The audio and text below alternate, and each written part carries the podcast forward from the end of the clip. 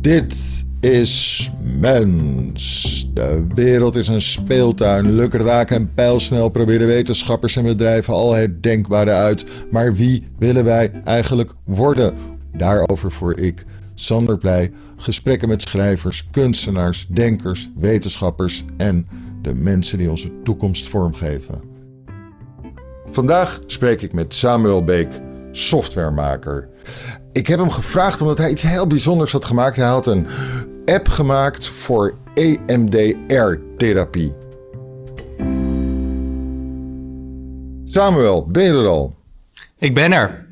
Samuel, ik vind het soms moeilijk om iemand zoals jij. Uh, dan weet ik niet zo goed hoe ik je moet noemen. Wat, wat ben jij? Ik maak uh, digitale producten. Dus uh, ja, ik probeer als ik dat in mijn eentje doe, alle aspecten zelf te maken. En als ik in een team werk, probeer ik vooral leiding te geven aan de programmeurs en ontwerpers die dat doen. Oké, ik heb je nu gevraagd omdat ik dat zo geweldig vond. Je had iets gemaakt om de mensen die traumatherapie en andere therapieën nodig hebben te helpen. Dat gaan we het zo helemaal over hebben. Even, wat is je, je achtergrond? Waar heb je allemaal digitale producten gemaakt? Nou, in Nederland is het bekendste bedrijf waar ik heb gewerkt uh, WeTransfer. En in het buitenland heb ik onder andere bij een bedrijf wat Airtime heet gewerkt. En dat was opgericht door een van de eerste werknemers van uh, Facebook en de oprichter van Napster, Sean Parker. Dus uh, ja, daar heb ik onder andere gewerkt. En uh, ik ben begonnen als software engineer, dus programmeur. En later ben ik meer leiding gaan geven. En je bent dus echt zo'n zo'n jongen van de, van de start-ups. Ja, absoluut. Ja, ik, ik vind dat leuk. Oké. Het laatste heb ik er een beetje, denk ik dat we er een beetje terug van aan het komen zijn van de start-up cultuur. Ja, dat klopt. Ik heb het gevoel dat uh, toen ik, uh, nou, ik denk toen rondom dat de iPhone uitkwam, toen waren tech-jongens de nieuwe, de nieuwe rocksterren en nu zijn we de nieuwe bankiers. En waarom denk je dat dat gebeurt? Ik denk dat technologie eerst een heel positief idee met zich meebracht. En dat werd ook enorm in, in Silicon Valley en zo uitgedragen. Maar inmiddels komen we er ook achter dat technologie heel veel negatieve kanten heeft. En dat hele grote bedrijven die door technologie ontstaan zijn, ja, uh, eigenlijk helemaal geen positieve bedrijven hoeven te zijn. Dus uh, ik denk dat het eerst gewoon een, een klein groepje mensen was dat zichzelf idealistisch noemde. En dat de, de groei en het grote geld laat zien dat toch best wel tegenvalt. Je beschrijft nu wat er gebeurt, maar wat denk je nou dat daar de voornaamste factor in is? Is dat dus toch gewoon greed? Is het toch gewoon dat, dat er te veel mensen dachten van wow, we kunnen hier ook heel veel geld mee gaan verdienen? Ik denk het wel. Je ziet eigenlijk twee movements in tech. Je ziet de bedrijven die uh, met durfkapitalisten werken. En ja, die willen gewoon uh, hun geld terugverdienen. En dan staat er enorme druk op bedrijven om, uh, om heel erg snel te groeien. En als je ja, dat soort doelen stelt, dan ga je vaak onethische dingen doen of ja, dingen niet helemaal netjes doen. En uh, ja, dat creëert een backlash. Aan de andere kant zie je ook veel bedrijven die je wat, misschien wat minder vaak in de krant ziet staan, uh, maar die gewoon wat langzamer groeien en die, die niet met uh, dat soort geld werken. En ik denk dat dat vaak hele sustainable en keurige bedrijven zijn. Dus het is ook wel een beetje de media die heel erg veel uh, vervelende dingen heeft ondervonden aan big tech. Die, en daardoor heel veel schrijft over big tech. Maar er is, het is natuurlijk dat het, Ga je nu zeggen dat het door de media komt? Het komt niet door de media. Uh, het, het, is er zeker. Maar ik denk wel dat er nu een enorme focus ligt op de negatieve kanten van uh, big tech. Ja, ja, ja. Zou het ook te maken hebben met het, het hele principe van start-up? Dus dat zeg je eigenlijk, hè? Dus het, het werken met venture capital en dat kapitaal dat vereist de start-up mentaliteit. En de start-up mentaliteit zegt, je moet je product continu kunnen veranderen. En als je je product maar elke keer kan aanpassen aan, aan waar het meest geld te verdienen is, dan doe je dat en dan wordt dat uiteindelijk het product. Ik denk het onder andere en uh, ik denk ook gewoon de druk dat je heel snel moet groeien. Bijvoorbeeld als je kijkt naar privacy. Het is veel makkelijker om heel snel te groeien als je supergoed weet wie jouw uh, klanten zijn. En dat betekent soms dat je de privacy van je gebruikers en, en klanten minder serieus neemt. En ik denk dat ja, allerlei van dat soort dingen gebeuren nu. Ja, we, we gaan bijna naar, de, naar, naar wat je nu hebt gemaakt, want dat is al een mooie case. Je zei net dat je bij WeTransfer hebt gewerkt. WeTransfer gebruiken heel veel mensen in Nederland. Volgens mij is het ook een in, in Nederland begonnen bedrijf, klopt dat? Ja, ja, zeker. En daar kun je, het is gewoon heel handig als je iets moet versturen naar iemand anders, dan kun je het uploaden bij WeTransfer en die brengt het dan naar de ander toe. Uh, wat deed je daar dan? Uh, daar was ik bezig met het uh, bouwen van nieuwe dingen. Ik heb daar onder andere een nieuwe app gemaakt. Het heet Collect. Dus WeTransfer ging eigenlijk super lekker met een webservice, het delen van bestanden. Maar het delen van bestanden is wat minder hard aan het groeien, omdat er veel meer cloud tools en dat soort dingen komen. Dus we waren heel erg aan het kijken van hoe kunnen we nieuwe dingen maken die, ja, die zorgen voor nieuwe groei en die, die onze gebruikers helpen. Oké, en dan heb je iets verzonnen en het heet Recollect. Ja, en wat is dat? Oh, dat is een, wat we zagen is, omdat WeTransfer wordt heel veel gebruikt door creatieven. En we hoorden van veel van die creatieven dat zij de hele dag allerlei inspirerende dingen zien, maar het lastig vonden om die dingen samen te brengen. En we hebben toen een product gemaakt waarmee je eigenlijk, als je bijvoorbeeld een, uh, een linkje ziet van een uh, interessant artikel en een foto hebt van iets wat je mooi vindt, dat je dat allemaal samen kunt brengen. Zodat je uh, ja, je kan laten inspireren. Oké. We gaan naar de app die je nu hebt ontwikkeld. Je zat in lockdown zoals iedereen in het begin van 2020, uh, omdat het coronavirus begon te heersen. Ja. Toen sprak je je moeder. En wat vertelde je moeder? Nou, mijn moeder die is, uh, is psychotherapeut en ze doet vooral heel veel EMDR-therapie. En zij vertelde me dat het erg moeilijk was om die uh, therapie te doen. Uh, omdat al die therapeuten die gingen via Zoom nu therapie doen. Dat was voor therapeuten al best wel moeilijk, want ze zijn niet de meest technisch onderlegde mensen. En uh, hun cliënten vaak ook niet. En die EMDR-therapie was nog moeilijker, omdat je dan... ja, dat kon je eigenlijk lastig doen over de, de video-chat. dus toen heb ik gekeken of ik iets kon maken waarmee je dat kon doen. Dus dat je ter, terwijl je een Zoom-call hebt, dat je die EMDR-therapie alsnog kon doen. En dat was eigenlijk best wel makkelijk om te maken, maar het meest ingewikkelde was om het zo bruikbaar mogelijk te maken voor die therapeuten die wat minder technisch onderlegd waren. Ja, ik heb eigenlijk iets heel simpels gemaakt. Een beetje mijn, mijn learnings van WeTransfer, wat ook een heel simpele tool is die iedereen kan gebruiken, toegepast. En dat heb ik toen gedeeld op LinkedIn. En dat was echt ja, zo'n moment dat er enorm veel vraag naar iets is en eigenlijk nog geen oplossing is. Dus dat is enorm, uh, ja, viral is een beetje een raar woord om in deze context te gebruiken, uh, gegaan. Maar uh, dat, dat, ja, dat ging heel snel. En dat, dat, ik had echt binnen no time enorm veel gebruikers en enorm veel hele leuke berichten van en cliënten en therapeuten die hier ja, heel veel aan hadden. EMDR-therapie. Wat, wat, wat betekende dat? EMDR-therapie, ja, het is een uh, therapie om uh, mensen met een trauma en andere condities te behandelen. En ja, het is, als je het nog nooit hebt gezien, doet het het meest denken aan hypnose eigenlijk. Dus je wordt gevraagd om aan je traumatische herinnering te denken en die uh, voor de geest te halen. En ondertussen probeert de therapeut jou eigenlijk met verschillende activiteiten af te leiden. Dus bijvoorbeeld het meest veel voorkomende ding is dat de therapeut met uh, zijn of haar vinger beweegt. En dan moet je die als cliënt volgen. Uh, met je ogen. Maar soms worden er bijvoorbeeld ook geluiden afgespeeld. In je linkeroor eerst en dan in je rechteroor. Of wordt je gevraagd om in bepaalde ritmes te klappen. En dat zijn allemaal dingen om je soort van af te leiden en om je werkgeheugen te belasten.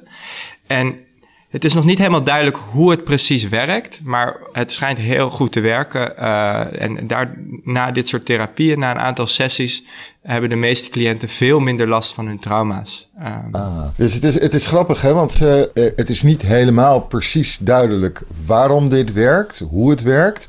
En als ze dan mensen het proberen uit te leggen, dan gaan ze ook vaak termen gebruiken die juist weer met de, het digitale te maken hebben. Dus dan zeggen ze bijvoorbeeld dat een herinnering wordt overschreven. Want je moet je, de herinnering aan een trauma moet je weer helemaal in. Je moet er precies proberen aan te denken zoals je het toen hebt meegemaakt. En niet zoals je de herinnering altijd hebt herinnerd. En het idee is dat als je dat doet terwijl je iets, een anders erbij doet, iets afleidt, dat dan de oude herinnering wordt overschreven door veel ongevaarlijkere nieuwe uh, herinnering.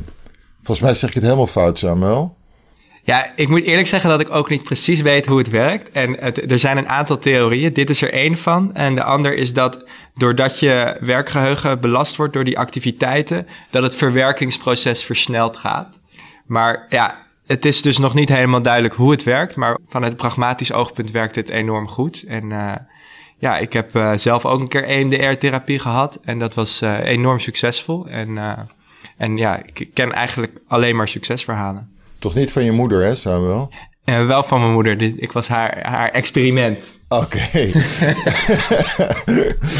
uh, maar grappig dat jij net ook weer het, het woord... Je gebruikt werkgeheugen. En dat gebruiken we ook voor de computer. Het ja, is, klopt grappig om te zien hoe vaak voor een computer termen die we gebruikten voor het menselijk brein werden gebruikt en andersom.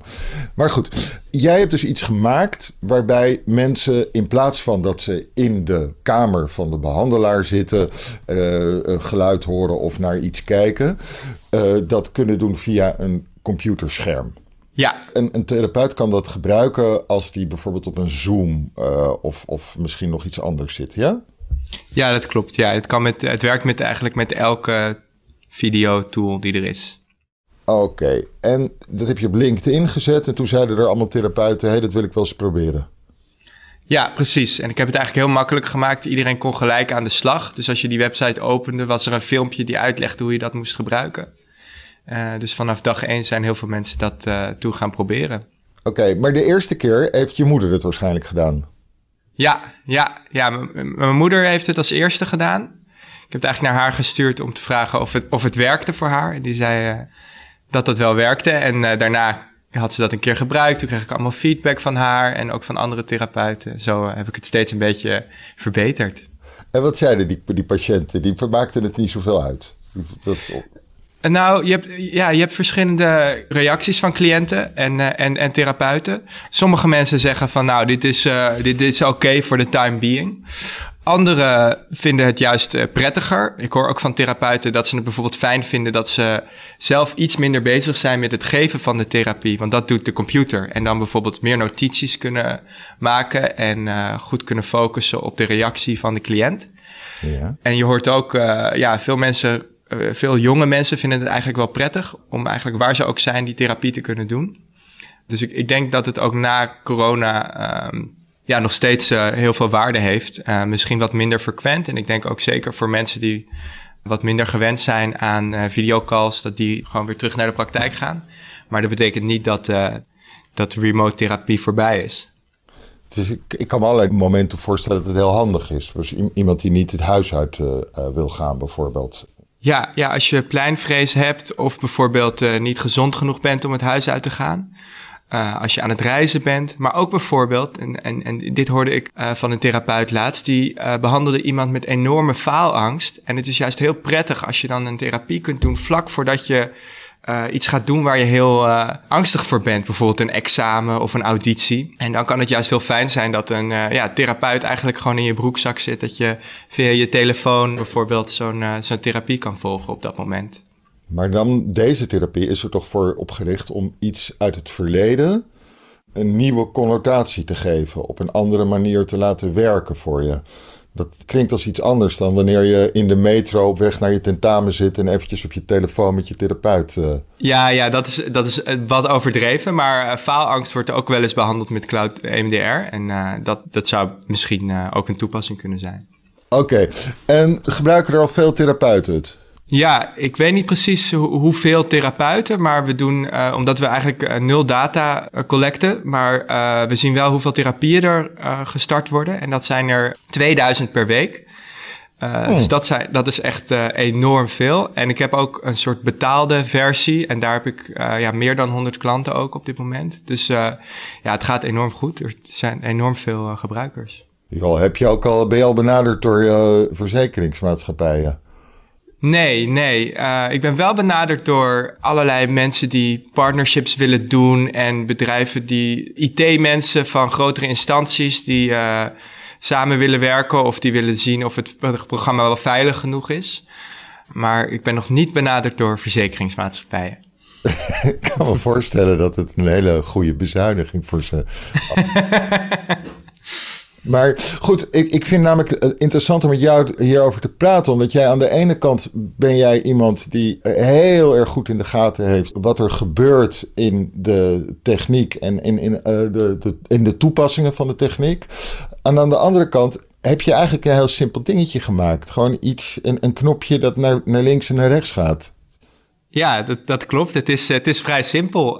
Maar het is, ja, ik denk als je kijkt naar uh, wat, wat maakt iets bruikbaar, is, is dat het een probleem voor je oplost. En soms is de oplossing van het probleem vrij simpel. En dat is in dit geval uh, zeker zo. Um, het is eigenlijk gewoon een pagina waarin een stip beweegt. Ja, je kan ook wat geluiden afspelen en een paar andere dingen doen. Maar in, in essentie is het een heel simpel ding. Ik gebruik geen ingewikkelde kunstmatige intelligentie of iets dergelijks. Maar ja, meanwhile hebben wel ja, 2000 mensen per week hier wat aan. Dus, uh, dus dat is uh, enorm cool om te zien. Precies, en ga je er ook op verder? Ga je dus proberen om er ook een, uh, een app van te maken die mensen op hun telefoon makkelijk kunnen gebruiken en zo? Ja, ik ben zeker bezig met het verbeteren. Ja, sowieso is het allerbelangrijkste voor mij om het ja, zo makkelijk mogelijk te maken voor iedereen. Dus op je telefoon gebruiken is, is daar zeker onderdeel van.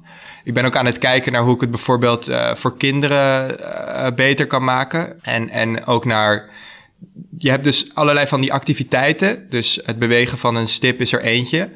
Die ik nu in de app heb, zijn vrij simpel allemaal. Maar ik probeer nu wel te kijken naar hoe kunnen we ja, interessantere activiteiten doen. Um, en dat is ook waar het onderzoek rondom EMDR nu erg veel mee bezig is. Um, dus ik probeer dat een beetje te volgen en te kijken hoe ik daar uh, op in kan spelen, zodat er misschien wel dingen zijn waarbij de computer echt uh, grote meerwaarde heeft over dingen die de therapeut doet. Een voorbeeld is dat er nu wordt er soms in EMDR-therapie gevraagd om sommetjes te maken. En ik denk dat je als een computer die sommetjes genereert, kan hij bijvoorbeeld ervoor zorgen dat die sommetjes steeds iets moeilijker worden, zodat je steeds het werkgeheugen optimaal belast van een, uh, van een cliënt. Ja. Als je dat, een, een therapeut kan dat niet. Um, dus dat zou een, een toepassing zijn waarop de computer echt kan helpen om die therapie nog effectiever te maken. We betreden nu het terrein van The Eternal Sunshine of the Spotless Mind. De, het, dat is een film die gaat over een jongen en een meisje die verliefd zijn geweest en een relatie hebben gehad. En daarna wordt het geheugen overgeschreven en uh, worden de slechte herinneringen gewist. Raak je niet ook geprikkeld? Of ik, uh, of ik mensen hun geheugen kan, wil wissen? Nou, of je kunt, kunt kijken of je... Eigenlijk is dit het begin van het overschrijven van herinneringen. Ja, ik, ik denk uh, EMDR is een beetje een magische therapie en dat maakt het misschien soms eng en, uh, en, en vreemd. Maar ja, het is niet. Ja, maar misschien is het ook wel zo. Ik denk de toekomst ziet er soms heel anders uit dan dat we in, in, in films en verhalen uh, doen lijken. Dus misschien is dit het begin daarvan. Dat zou ik niet weten. Ik denk als het gaat om nare herinneringen verwerken en, en, en misschien wel helemaal vergeten, dan ja, ben ik daar zeker niet tegen. En uh, vind ik dat best wel interessant. Ik heb uh, natuurlijk door dit project ook, ook gehoord over heel veel cliënten die EMDR-therapie gebruiken. En uh, ja, sommige dingen die ze meemaken, die wens je niemand toe. En ik kan me voorstellen dat als je dat dan niet meer weet, of zo min mogelijk weet, of dat je. Nou, in ieder geval. Want wat je bij MDR-therapie vooral hoort, is dat mensen het nog wel weten, maar er gewoon veel beter mee om kunnen gaan. Ja, ja dat is gewoon heel positief en, uh, en prettig. Ja, het is een interessant gebied, wordt het toch? Dat hoe, ver we, hoe ver we onszelf willen gaan veranderen. Ja, absoluut. Ja, zeker. Maar ja, ja het is, het is, dit is heel erg. Uh, kijk, EMDR, voor mij voelt het gewoon als een vrij positieve verandering. Uh, ik weet ook niet of je het voor negatieve dingen kunt gebruiken. Ik bedoel uh, dat je mensen kunt laten vergeten dat er zoiets als een democratie bestaat. Uh, ik denk niet dat dat mogelijk is met dit soort therapieën. Maar uh, we, we, gaan het zien, hè? Nou ja, misschien als ik, ga, als ik ga, zou gaan scheiden, dat ik, of ik zou kunnen wissen of, uh, hoe leuk ik het vond toen ik ging trouwen. ja, ik, ik vraag me af. Uh, ja, ik denk niet dat EMDR dat soort dingen kan, kan doen. Maar uh, ja, dat zijn. Het, ja, ik bedoel, we, we worden wel met dit soort therapieën iets maakbaarder. We hebben iets meer eigen controle over ja, hoe we met dingen omgaan. En ik denk dat dat uh, vaak positief is. Aha. Ja. Wat, zijn, wat zijn digitale ontwikkelingen die jij zelf nu positief vindt en waar je, waar je blij mee bent? Ja, ik vind eigenlijk alle digitale ontwikkelingen een soort van amoreel. Dus alles kan voor goed en voor slecht gebruikt worden. En ik vind bijvoorbeeld kunstmatige intelligentie een super interessant voorbeeld. Waar je, waar je eigenlijk ziet dat er enorm veel hele interessante en toffe toepassingen zijn. Maar ook heel veel hele enge dingen. Ja, beeldherkenning kan, kan ontzettend waardevol zijn. En, en, en zeker wat je nu veel ziet in, met machine learning is dat er beelden gegenereerd kunnen worden. Op basis van woorden bijvoorbeeld. Dus als ik. Uh, een uh, foto van iets wil, dat ik gewoon kan zeggen, nou, uh, doe maar maar drie bomen en een wit huis en dat dat gegenereerd wordt. Maar diezelfde techniek wordt gebruikt om mensen te volgen. En, uh, en dat is natuurlijk enorm negatief. Dus ik denk eigenlijk dat heel veel van die nieuwe technologische ontwikkelingen voor beide dingen gebruikt kunnen worden. Hoe oud ben jij? 26. 26. Heb jij nou het gevoel dat de ontwikkelingen op, op dit gebied veel sneller gaan dan toen je 16 was? Nou, dat vind ik echt een moeilijke vraag. Ik denk, wat ik zie is dat uh, er is veel meer geld om dingen te ontwikkelen. Maar dat maakt het wel zo dat de meeste dingen die ontwikkeld worden een heel duidelijk economisch perspectief moeten hebben. En uh, ik heb het idee dat er vroeger, en dit kan een vertekend beeld zijn, maar dat er vroeger meer geld was voor experimentelere en ja, meer wetenschappelijke onderzoeken in de technologie. En dat het nu vaak meer direct is met een bepaald soort perspectief. Dus een voorbeeld is er wordt nu enorm veel geld uitgegeven aan het ontwikkelen van batterijen die uh, langer en beter energie op kunnen slaan, zodat we groene energie eh, dat dat uh, beter kan worden opgeslagen en dat uh, Tesla's verder kunnen rijden. Ja. Maar ik heb het idee dat er vroeger bijvoorbeeld de, de technologie waar die iPhone-schermen door zijn gemaakt, dat heet multitouch, dat je met verschillende vingers op een touchscreen kunt werken. Ik heb het idee dat dat soort dingen echt voortkwamen uit een soort experimentelere labs waar je nu minder van hebt. Maar ja, het kan nogmaals een vertekend beeld zijn. Ik heb zo'n rare gewaarwording altijd dat het lijkt alsof je aan de ene kant alles heel veel sneller gaat en aan de andere kant alles juist totaal niet sneller gaat. Ik bedoel, ik kreeg 30 jaar geleden een laptop en eigenlijk is de laptop die ik nu heb, alleen het internet gaat sneller. je ziet wel in, in eigenlijk de computer, dus de laptop of je normale computer, zie je weinig verandering door technologie, denk ik. Je hebt natuurlijk het web waar wel echt heel veel op is gebeurd. Maar ik denk dat de, als je kijkt naar de afgelopen tien jaar, dat de, de mobiele telefoon, eh, dat daar alles is gebeurd. Ja, maar eigenlijk is die mobiele telefoon ook nauwelijks veranderd ten opzichte van 15 eh, jaar geleden. Toen kreeg, kwam er internet op. Nou, fijn was dat. En is het meer gegaan over wat er vervolgens op dat internet allemaal gebeurde. Dus dat sociale media mogelijk werden. Maar is de, de, de hoe noem je dat? De hardware, de telefoon, ook niet zo heel erg veranderd? Ja, ze zien er nog een beetje hetzelfde uit. En de hardware zijn ja, natuurlijk verbeterde versies van wat er oorspronkelijk was. Maar nee, het meeste wat gebeurd is, is natuurlijk software. En uh, ik weet niet hoe lang dat geleden is. Ik denk een, jaar 15 geleden had je een grote venture capitalist, Mark Andreessen. En die schreef uh, Software is Eating the World. En die had het hier eigenlijk over van op het moment dat iedereen een computer heeft, of ze die nou uh, thuis hebben of in hun broekzak, en, uh, en verbinding met internet, dan is het eigenlijk software waar uh, alles gebeurt. En dat zie je nu ook. Al die grote bedrijven, alle, alles wat je kan met je telefoon, wordt, uh, komt door software. En uh, okay. daar is heel veel op gebeurd. Oké, oké, oké. En hoe gaat het, we hebben het nu vroeg je naar hoe het was toen je 16 was. Hoe zal het zijn als je 46 bent? Maak eventjes een grotere sprong. ik, ik denk dat technologie steeds onzichtbaarder wordt. Dus um, waar we eigenlijk misschien 20, 25 jaar geleden zag een bureau eruit. had je een Rolodex en een notitieboekje en al die dingen. Ik heb het idee dat je die nu allemaal digitaal op je scherm hebt. Maar dat we misschien wel weer naar een fase gaan waarin dat scherm meer verdwijnt. En ja, technologie uh, minder zichtbaar wordt. Maar dat het wel altijd er is. Dus omnipresent. Wat ik nu bijvoorbeeld veel zie als ik uh, langs schoolpleinen fiets, is dat iedereen van die AirPods in heeft. Ik denk dat, dat dat steeds normaler wordt, dat je technologie draagt en dat het er altijd is. En dat je bijvoorbeeld ja, misschien gewoon een bril op hebt waarin je je social media feed of whatever het dan ook is, uh, allemaal kan zien. Dus ik denk dat het uh, overal is, maar veel minder duidelijk de grens tussen de werkelijkheid. Of wat, ja, misschien is dit de nieuwe werkelijkheid. Uh, maar de grens tussen de werkelijkheid en, en wat software is, dat die enorm gaat vervagen. En worden we dan gelukkiger? dat is de vraag. Ik denk wel dat we ouder worden, maar ik, ja, geluk is ingewikkeld. Ik denk dat tech helpt ons uh, met een hele hoop dingen en het zit ons tegen met een hoop dingen. En um, ja, ik bedoel, als je kijkt naar uh, Twitter, door Twitter is de Arabische lente onder andere ontstaan.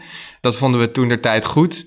Maar uh, een paar dagen geleden is ook het kapitool bestormd door Twitter. Ja, het, het gebeurt allebei. Ja, ik denk dat het gewoon op die manier vooruit gaat. Ik weet niet of we per se gelukkiger of ongelukkiger worden.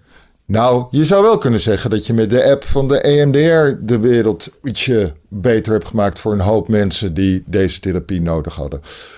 Maar goed, het is altijd heel moeilijk om te spreken over gelukkiger en niet gelukkiger. Ik ben zo benieuwd. Uh, jij zegt dus de, de Arabische lente haal je aan en je haalt de bestorming van het uh, kapitool aan.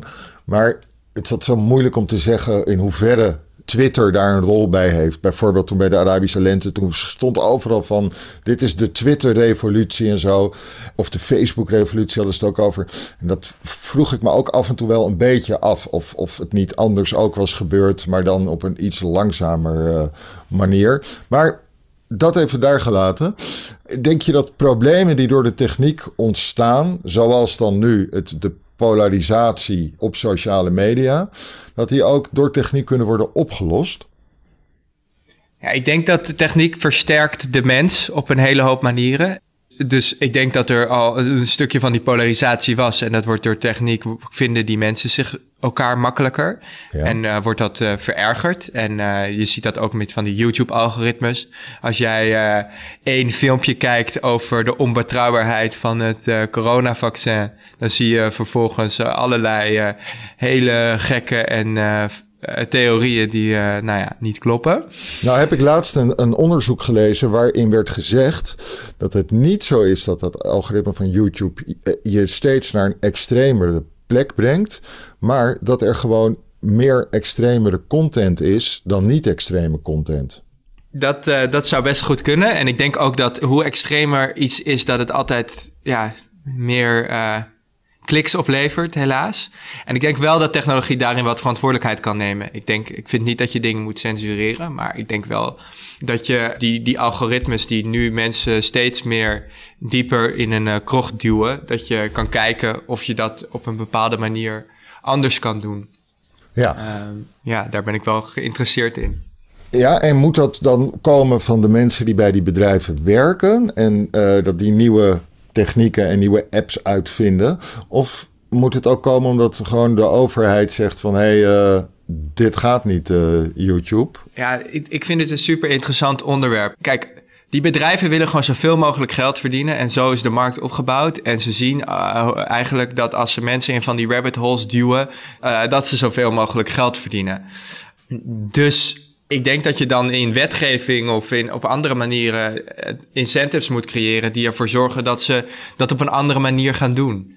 Ik vind het bijvoorbeeld best wel vreemd dat je überhaupt urenlang YouTube-filmpjes kan kijken zonder dat je computer tegen jou zegt: hey, uh, ga eens even wat anders doen. Uh, dit is niet gezond. Op sigaretten staat dat je er dood aan gaat. En er wordt heel duidelijk gemaakt dat je ermee moet oppassen. Maar met heel veel technische dingen heb je dat heb je dat niet. En ik denk uh, dat daar, daar in van wetten rondom kunnen ontstaan. Als je, als je een, filmpje ziet over een hypotheek of over geld lenen, staat er altijd geld lenen kost geld. Ik denk dat als we ergens op YouTube een label hebben van hey, uh, informatie hoeft niet altijd waar te zijn, dat dat misschien al een beetje helpt. Er zijn gewoon nog heel weinig uh, ja, ideeën over en, en wetten over. maar ik denk dat ja, zolang die bedrijven winstogende bedrijven zijn, in ons huidige ja, kapitalistische systeem gaan die, gaan die niet een soort hogere ethische standaarden toepassen. En dat vind ik heel jammer, maar dat is wel wat, wat ik zie. Samuel, jij bent 26, zei je net. Tien jaar geleden was je 16 en kon jij uh, vrolijk videogames spelen en had je de eerste uh, snelle telefoons. Toen had je ook de eerste mensen in Silicon Valley die tegen hun kinderen zeiden van nee, je mag niet op de iPad of alleen zaterdag een uurtje misschien. En was het juist de buiten Silicon Valley en waar alles nog niet, niemand, niet iedereen er nog doordrongen van was wat er gebeurde, waren de ouders daar nog heel rustig en relaxed mee. Uh, maar jij bent nu van een generatie die straks kinderen gaat krijgen, of misschien heb je al kinderen, dat weet ik niet. gaan jullie er straks allemaal veel heftiger mee om met je kinderen? Ik, ik ben zelf geen ouder, maar ik denk dat je als ouder altijd kijkt naar wat is goed en slecht voor mijn kind. Ik moet eerlijk zeggen, ik heb zo ontzettend veel gehad aan dat ik vroeger op de computer dingen mocht doen. Ik heb daardoor leren programmeren en al dat soort dingen. En daar heb ik tot de dag van vandaag heel veel aan. En ik vond dat ook vroeger ontzettend leuk om te doen. En ik denk dat, um, dat als ik kinderen zou hebben, dat ik ervoor zou zorgen dat zij een gezonde relatie met technologie opbouwen. Dus bijvoorbeeld niet alleen maar uh, YouTube-filmpjes kijken, maar ook er zijn ontzettend leuke apps waarmee je uh, creatieve dingen kunt doen. dat soort dingen lijken me ontzettend tof en, leuk voor kinderen. En ik denk, ja, het is net zoals dat je misschien af en toe buiten moest spelen. En, als je te lang binnen zat. Je moet gewoon ja, een gezonde balans opbouwen. En ik denk dat in de huidige wereld een gezonde balans ook betekent dat je ja, een goede balans opbouwt met, uh, met technologie. Oké, wat denk je er gebeurt nu in de, de, Verenigde Staten? Want je zei net, suggereerde dat het niet voldoende is als alleen de bedrijven uh, moeten gaan reguleren en moeten gaan kijken wanneer het te ver gaat.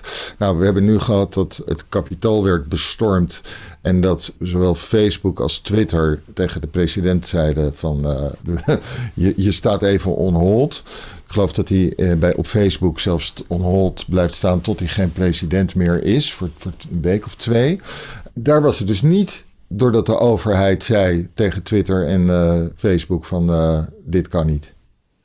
Dat klopt, maar dat klopt eigenlijk omdat er enorme druk ligt van uh, de gebruikers van Twitter en Facebook. Dus als je zo'n groot Silicon Valley bedrijf bent, en zeker Facebook, ben je gewoon een soort monopolie. En het grootste probleem waar je op compete is je talent. Dus de, mensen die je kan aannemen bij je bedrijf.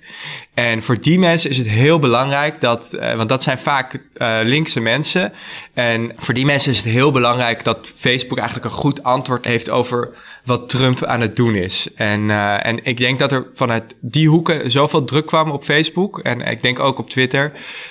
dat zij zich genoodzaakt voelden om iets te doen. En ja, dat hebben ze gedaan. Oké. Is dat beter dan dat de overheid het had moeten zeggen?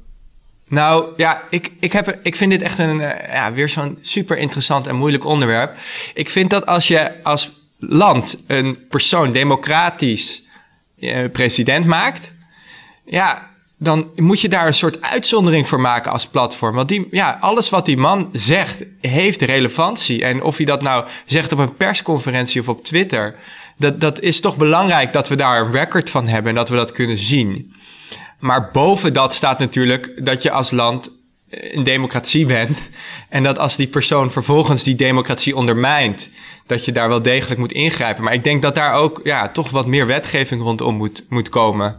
Uh, maar bijvoorbeeld ik, ik vind het goed dat Trump eigenlijk op Twitter en, en op Facebook dingen kon zeggen voor een hele lange tijd. Ook al was ik het niet met die dingen eens en vond ik die vaak echt enorm objectionable.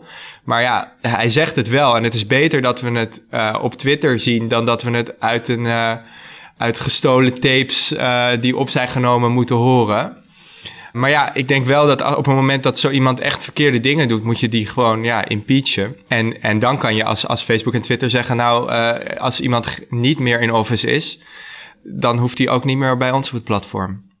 Dus eigenlijk hadden ze, waren ze nu te vroeg.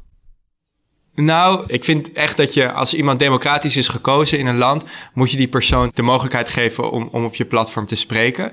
Maar er is nog wel iets belangrijkers dan dat. En dat is dat op het moment dat de democratie ondermijnd wordt, dan vind ik het wel belangrijk om in te grijpen. Maar ja, ik heb er een beetje mixed feelings over, maar ik begrijp wel dat ze dat hebben gedaan. En misschien is dat uh, is nu ook wel het juiste moment. Oké, wat zou, uh, als wij jou hier in Nederland op de polarisatie in de samenleving zouden zetten. Ik zou in, uh, straks na de verkiezingen, stel ik een, als, als ik Rutte ben, die het natuurlijk weer wordt. Um, en ik zeg van, in de coalitieonderhandelingen zeg ik van... Oké, Sigrid Kaag, we komen rond en ik stel voor jullie inderdaad een minister polarisatie op. En die minister gaat kijken hoe wij in de samenleving polarisatie tegengaan. En een meer pluriforme discussie krijgen over hoe het beter kan. En ik vraag aan Samuel van, uh, is dat niet wat voor jou? Wat zou, als je ja zou zeggen, wat zou je dan kunnen doen? ik, zou, ik zou ten eerste sowieso nee zeggen, maar... Oké, ik word de minister en ik vraag jou om raad. Ja, ik, uh, ik zou... Uh, kijk, het internet versterkt natuurlijk dat bepaalde groepen elkaar vinden. En dat, dat kun je eigenlijk niet tegengaan. Wat je wel kunt doen, is ervoor zorgen dat ook een hoop mensen dezelfde dingen alsnog zien. Of in ieder geval weten dat er een andere kant van het verhaal is. En ik denk dat we daar... Uh, beter aan kunnen werken. Dus een, een voorbeeld is, nu als ik in mijn uh, Twitter feed kijk, dan uh, zie ik misschien heel anders dan als ik op een uh, eh, FVD-stemmers Twitter feed kijk. Ja. Um, maar de, we zien misschien wel dingen over dezelfde onderwerpen. Dus bijvoorbeeld corona. Nou, ik, ik, ik zou het heel tof vinden dat als ik op, op iets over corona kan klik, dat ik bijvoorbeeld ergens kan zien dat er verschillende views op zijn en dat ik door die views kan uh, scrollen. En dat ik niet alleen maar uh, steeds meer zie wat ik zelf al dacht of wat men wil dat ik denk. Oké. Dus eigenlijk gewoon een, een, een je, je zou op zoek gaan naar een manier om voorlichting, kennis, onderwijs beter verspreid te krijgen en bij meer mensen aan te laten komen. Nou ja, dat is een ander onderdeel nog. Ik denk dat, dat voorlichting en onderwijs enorm belangrijk zijn. Dus als we goed leren om kritisch te denken en als we bijvoorbeeld op school les krijgen over wat is een conspiracy theory, ik denk dat dat soort dingen enorm veel waarde uh, toevoegen. Ja, dat is waarschijnlijk het allerbelangrijkste. Ik denk dat veel van de mensen die nu uh, in zo'n uh, rabbit hole vallen, gewoon ja, weinig vermogen hebben om, om dat soort dingen te herkennen. Ja, wij trappen er ook nog steeds elke keer weer in hoor. Omdat er steeds nieuwe vormen worden gevonden. Ja. Hey Samuel, ik vind het een mooi gesprek. Ik denk dat we een beetje naar het einde zijn aan het komen zijn. Eh, ik stel je nog één vraag. Wat is de consequentie, denk jij, van uh, wat je nu hebt gemaakt voor je moeder? Ben je een hele andere kant op gegaan dan uh, waar je eerst uh, met, bij WeTransfer in zat? Nou, ik vind het ik vind het wel heel leuk om zoiets te maken. Uh, het is ontzettend leuk om te horen dat je... Kijk, bij WeTransfer verstuurden we bestanden en daar zijn mensen blij mee. Maar uh, ja, als je een rol speelt in het verwerkingsproces van trauma... Ja, dat, dat help je mensen wel op een nog bijzonderdere manier. Dus dat vind ik wel echt ja, heel krachtig ik denk dat ik uh, ja, daarover na ga denken en ga kijken of ik nog meer van dat soort dingen kan doen. En ik ga natuurlijk ook uh, dit uh, Cloud MDR gewoon verbeteren.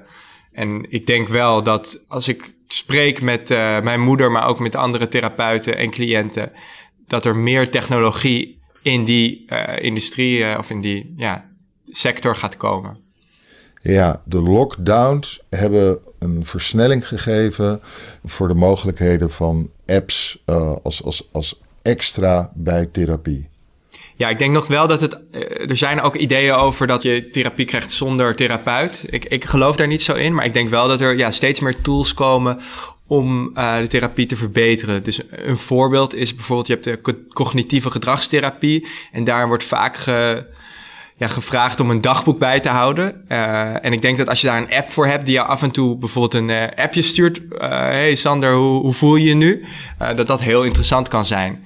En ja, ik denk dat door corona en door bijvoorbeeld een tool als Cloud EMDR therapeuten opeens zien dat technologie ze ook kan helpen. En dat ze misschien ja, toch iets sneller gaan kijken naar, naar andere oplossingen ook. Lijkt me eigenlijk wel heel fijn om een soort persoonlijke therapeut te hebben die niet een mens is. Heerlijk. Een soort eigen Alexa. Ja. Die je alles kan vertellen. Ja, heel fijn. Ja. Hey Samuel, heel erg bedankt. Graag gedaan. Ik hoop uh, dat we je ooit nog een keertje kunnen spreken over de volgende cloud toepassing. Helemaal goed. Uh, bedankt. En ik vond het leuk.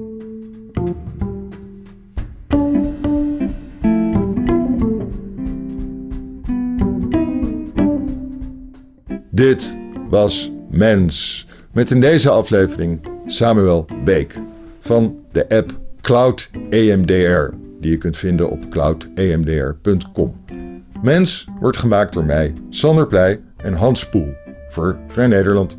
Je kunt je abonneren op deze podcast in je favoriete podcast-app. Dan verschijnt er als vanzelf elke twee weken een nieuwe aflevering van ons. Ook help je ons door een beoordeling of een review op Mens te geven in je podcast-app. Dan weten meer mensen de gesprekken van Mens te vinden. Voor onze trouwe luisteraars hebben we ook een speciale aanbieding.